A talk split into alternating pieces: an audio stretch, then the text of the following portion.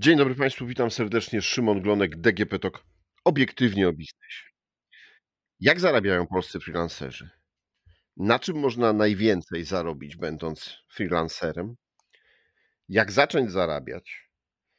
Y, jak praca freelancera zmieniła się na przestrzeni ostatnich trzech lat? O tym wszystkim porozmawiam z panią Natalią Zielińską z Józmi.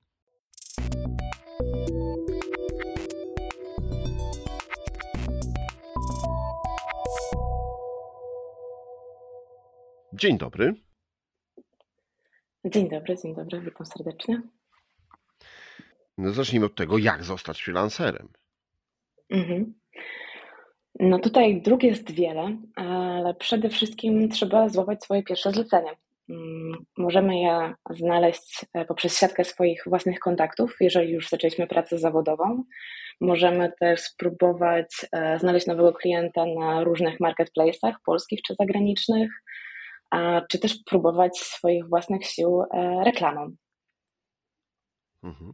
A czy to jest tak, że polscy freelancerzy to są osoby tylko i wyłącznie utrzymujące się z tego, czy e, to jest tak, że to jest mhm. jednak w większości osoby, które traktują to jako dodatkowe zlecenie, dodatkową możliwość zarobienia pieniędzy?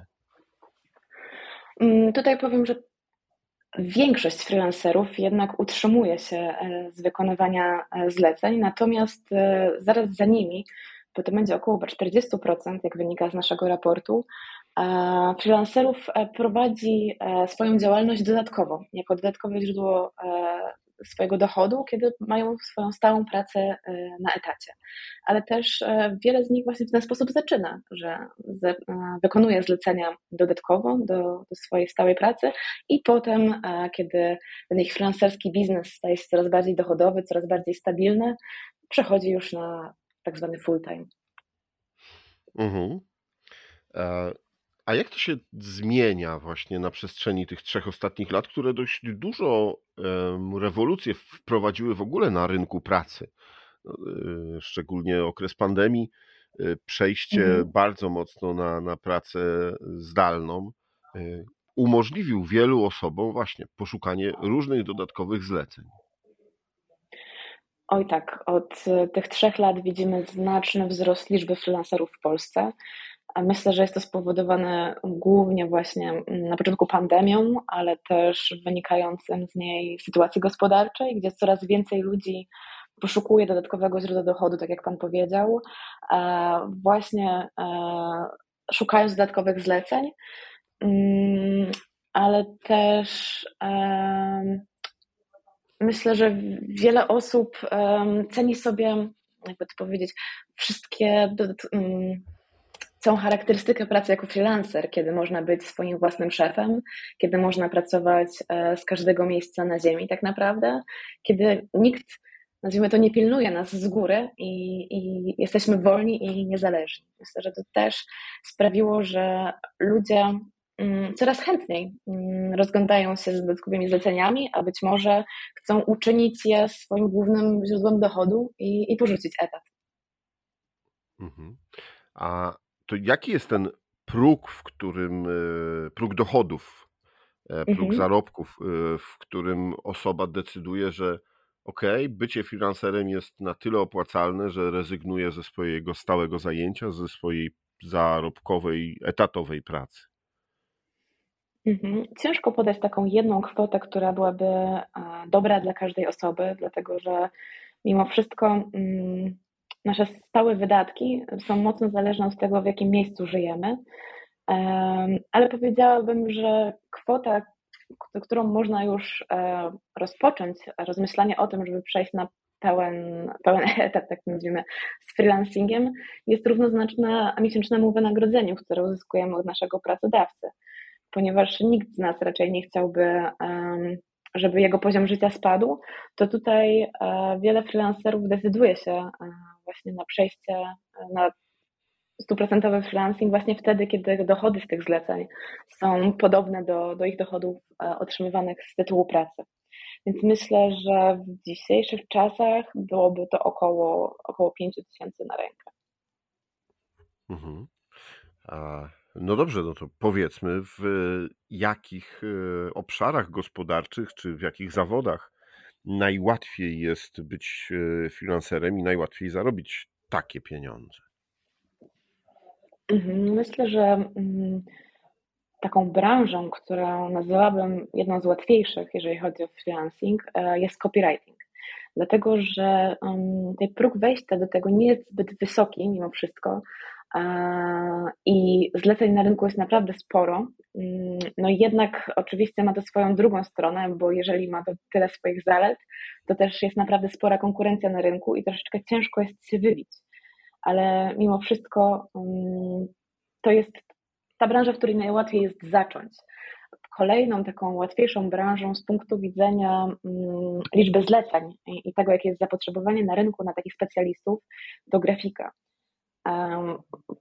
Upatruję tego, mm, tego dużego zainteresowania wśród e, zleceniodawców, tego, że jednak stworzenie mm, stanowiska pracy grafika jest niemal dosyć kosztowne e, i dlatego firmy często decydują się na zatrudnienie zewnętrznego specjalisty, e, ale dodatkowo też często firmy nie posiadają tak naprawdę tylu zadań, żeby tworzyć już samodzielne stanowisko mm, i wtedy posiłkują się zewnętrznymi specjalistami.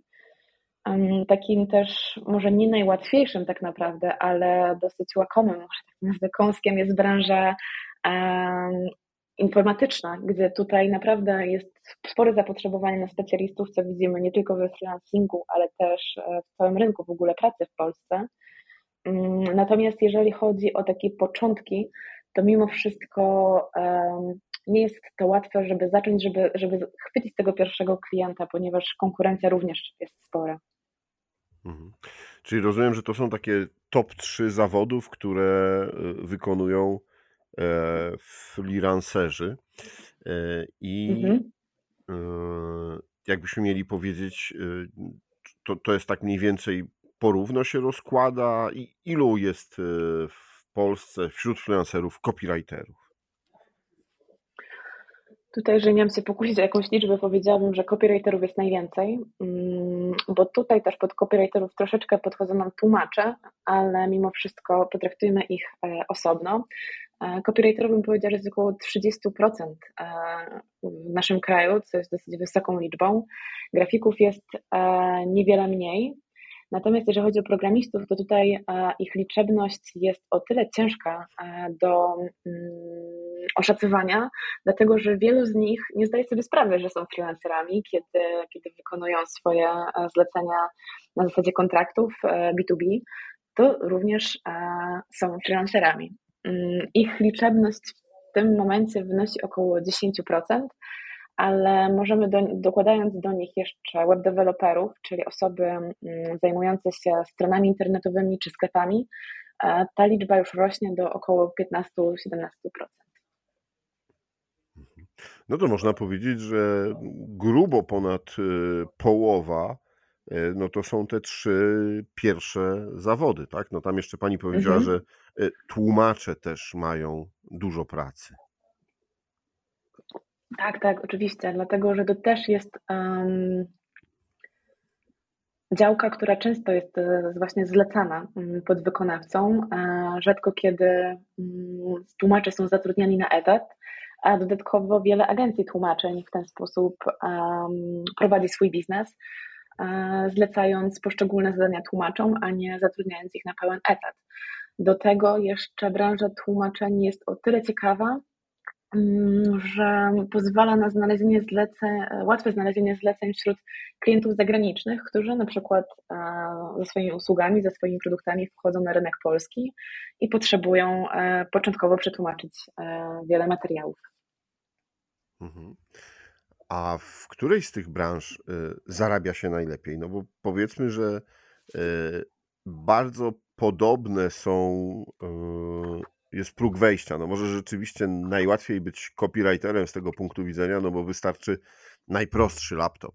Myślę, że grafik czy informatyk już musi zainwestować w ten sprzęt, żeby on mhm. był e, wysokiej jakości. E, tłumacz musi zainwestować wiele lat w szkolenia, no ale to i grafik, i informatyk, i pewnie copywriter też muszą cały czas się doszkalać i rozwijać swoje umiejętności. Mhm.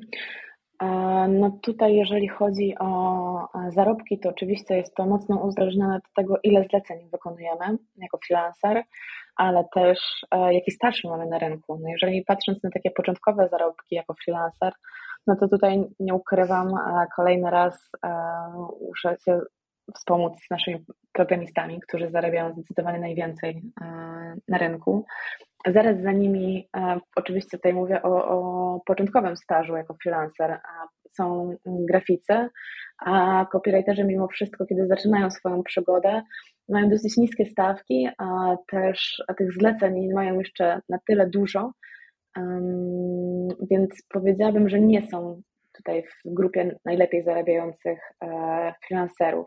Może, żeby wyjść trochę poza nasze trzy główne mm, grupy, o których rozmawiamy, to też tutaj warto e, przywołać specjalistów z zakresu social mediów, którzy też są poszukiwani na rynku i też to jest często zlecane zadanie e, przez firmy, ale również osoby tworzące projekty multimedialne, tacy jak fotografowie, animatorzy, czy videomakerzy. Mm, tutaj też e, jest miejsce dla nich na rynku i ich zlecenia również mają odpowiednio wyższe stawki, ponieważ, no, jak Pan nawet wspomniał, potrzebują lepszego sprzętu, lepszego, potrzebują troszeczkę zainwestować w siebie jako, jako specjalista, zanim zaczną tak naprawdę pracować.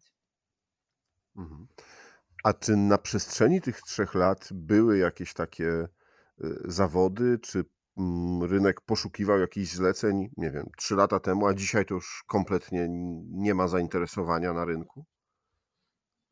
Hmm, myślę, że nie do końca mogłabym znaleźć jakieś takie zlecenia, które, które właśnie powiedzmy były, a teraz ich nie ma, dlatego że e, rynek nie znosi pustki i to po prostu ewoluuje. Powiedziałabym, że coraz mniej klientów szuka mm, specjalistów, którzy mają ogólne doświadczenie, a coraz więcej poszukiwanych jest konkretnych nisz, konkretnych, e, konkretnego doświadczenia, które ma freelancer, którym może się sprawdzić. E, też firmy zdają sobie sprawę, że znacznie lepszym rozwiązaniem dla nich jest zatrudnienie freelancera, który ma już doświadczenie w ich branży. Wtedy onboarding takiej osoby jest znacznie prostszy i też um, jakość jej pracy jest znacznie bardziej odpowiednia dla, dla danego biznesu. Mm, też z tworzeniem się nowych sposobów e, reklamy, z nowym marketingiem, czy to marketplace'ów takich jak chociażby nasze rodzime Allegro, są wytwarzane coraz to nowe mm, specjalizacje freelancerów, które są potrzebne e, właśnie na naszym rynku. Więc e, nie ma czegoś takiego, co, co zniknęło na 100% i już się nigdy nie pojawi, albo przez najbliższy czas. Raczej to wszystko płynnie ewoluuje razem z rynkiem. Y, no to może nie wiem, w ostatnim półroczu czy kwartale pojawiły się jakieś takie nowe, no mamy y, wybuch mody na sztuczną inteligencję. Mhm. Czy, czy tutaj y, też na rynku freelancerów pojawiły się jakieś nowe zlecenia, których dotąd nie było. Poszukuje się nowych specjalistów. E, jeszcze może nie jest ich wielu i, i w tej niszy trzeba upatrywać swój sukces? Myślę, że jest to ciekawa nisza, w której, w której można się sprawdzić i, i w nią iść. Natomiast powiem, że rynek jeszcze nie do końca zareagował na to. Na razie ta sztuczna inteligencja jest brana jako ciekawostka. Oczywiście już sama gdzieś natrafiłam na oferty pracy szukające mm, osoby odpowiedzialnej za pisanie konkretnych promptów do, do sztucznej inteligencji, ale, ale to wszystko jest jeszcze traktowane przez rynek na zasadzie ciekawostki. Tutaj freelancerzy myślę, że wiele z nich e, we własnym zakresie sprawdza działanie tych narzędzi, e, patrzy, jak mogą usprawnić swoją pracę dzięki nim, jak to wszystko zrobić, ale jeszcze, jeszcze tutaj nie ma wysypu, może tak powiem, zleceń, e, które zakładałyby specjalne kompetencje pod kątem właśnie sztucznej inteligencji. Jak na razie mm, pracodawcy, firmy starają się podchodzić do tego mimo wszystko ostrożnie. Mhm. E, no dobrze, to 5000 zł to jest takie e, minimum, średnia czy, e, czy góra tego, co freelancerzy chcą, mogą, myślą, że będą zarabiali? Myślę, że to jest taka dobra średnia, biorąc pod uwagę, że jednak spora część freelancerów dalej ma swój etat, więc te zlecenia są traktowane jako dodatkowe źródło dochodu, więc dalej istnieje spora grupa, która mm, zarabia na zleceniach poniżej 1000 zł miesięcznie. Ciężko tutaj wróżyć, e, dlaczego konkretnie, mm, ale mimo wszystko ten obraz właśnie zarobków jest nieco mm, bardziej rozmyty przez, przez osoby, które dalej e, posiadają etat, swoją stałą pracę, więc to 5 tysięcy traktowałabym jako taką delikatną średnią plus e, w związku z charakterystyką tej grupy. Mhm. A mm, to jeszcze mm, podrążę ten temat, a czy z drugiej mhm. strony jest e, jakiś limit, która firma no, uznaje, że można zapłacić finanserowi, a powyżej którego to już się nie opłaca i lepiej stworzyć etat, zatrudnić tego człowieka u siebie po prostu? Oj, to, to nie jest takie proste pytanie niestety. E, może inaczej, odpowiedź na to pytanie nie jest taka prosta, mm, dlatego że oczywiście znowu to wszystko zależy. Myślę, że tutaj firma nie powinna do końca posiłkować się e, zarobkami freelancera, o ile mm, ilością pracy, jaką ma do zlecenia temu freelancerowi i temu, jak, ile wynosi wynagrodzenie rynkowe dla, dla specjalisty, który miałby być zatrudniony w tym przypadku na umowę o pracę w danej firmie. Freelancer ogólnie zawsze będzie dużo bardziej opłacalny dla firmy, ponieważ obowiązki z tytułu zatrudnienia, czy obowiązki pracodawcy są dosyć e, duże już nie tylko ze względu materialnego, ale również e, patrząc na nazwijmy to ryzyko, jakie system niesie, ponieważ pracodawca odpowiada do Urzędu Skarbowego, do ZUS-u za prawidłowe rozliczenie pracownika, więc freelancer tutaj zawsze trochę odciąża mm, pracodawcę. Mimo wszystko dalej widać na rynku, że polskie firmy mm, lubią mieć, nazwijmy to, swoich e, pracowników, e, lubią e, zatrudniać osoby u siebie mimo wszystko, ale patrząc na to, jak wygląda rynek w tym momencie, jeżeli chodzi o, o kandydatów, którzy, którzy są na rynku, to jeżeli chodzi o specjalistów, to mimo wszystko wydaje mi się, że freelancerzy będą coraz chętniej zatrudniani przez e, firmy, ponieważ coraz trudniej jest mimo wszystko znaleźć e, dobrego specjalistę na, mm, na full time do siebie do pracy in-house, tak posiłkując się angielskimi e, określeniami. A jednak zadania muszą zostać wykonane w firmie. Dodatkowo jednak zatrudnienie mm, pracownika na stałe wiąże się z małym ryzykiem, czy, czy ta osoba się sprawdzi, bo o ile na rozmowie rekrutacyjnej e, wszystko może być pięknie, tak czasem rzeczywistość nieco odbiega od tej e, wyobrażonej wcześniej. A to dopytam jeszcze w ten sposób, to, to czy zauważa Pani takie tendencje, że firmy najpierw zatrudniają, czy dają komuś zlecenia, szukają jakiegoś freelancera i jeśli on się sprawdza, e, no to właśnie mhm. próbują jednak przejść na e, stałą współpracę, na etat. To też się często zdarza, dlatego że właśnie to jest ten sprawdzony pracownik. Nie dość, że wiemy, w jaki sposób układa się między nami współpraca, czy po prostu jako ludzie dogadujemy się ze sobą. Znamy też jakość wykonywanej pracy, a często zdajemy sobie sprawę, że mimo wszystko ten freelancer nie pracuje tylko dla nas, a nie wiem, chcielibyśmy się z nim słyszeć częściej, na przykład na jakichś spotkaniach, czy, czy mieć go bardziej dostępnego dla siebie, to tak, jak najbardziej e, można zauważyć taką prawidłowość, szczególnie, że razem z czasem może rosnąć um, ilość pracy, która jest potrzebna do wykonania z tej danej działki freelancera, więc e, tak, jak najbardziej to, to, to, może się w ten sposób zacząć, chociaż wiele freelancerów niechętnie myśli o, o powrocie, powrocie na etat, ceni sobie tą niezależność mimo wszystko, ale no to już, to już e, oczywiście zależy od konkretnego przypadku. Dziękuję Pani bardzo za rozmowę i przybliżenie nam, jak wygląda e, rynek freelancingu w Polsce i jak można rozwijać swoją karierę, w jakich obszarach. Moim i Państwa gościem była pani Natalia Zielińska z Józmi. Dziękuję bardzo za rozmowę. A to było DGP Talk obiektywnie o biznesie. Rozmawiał Szymon Glonek. Do usłyszenia.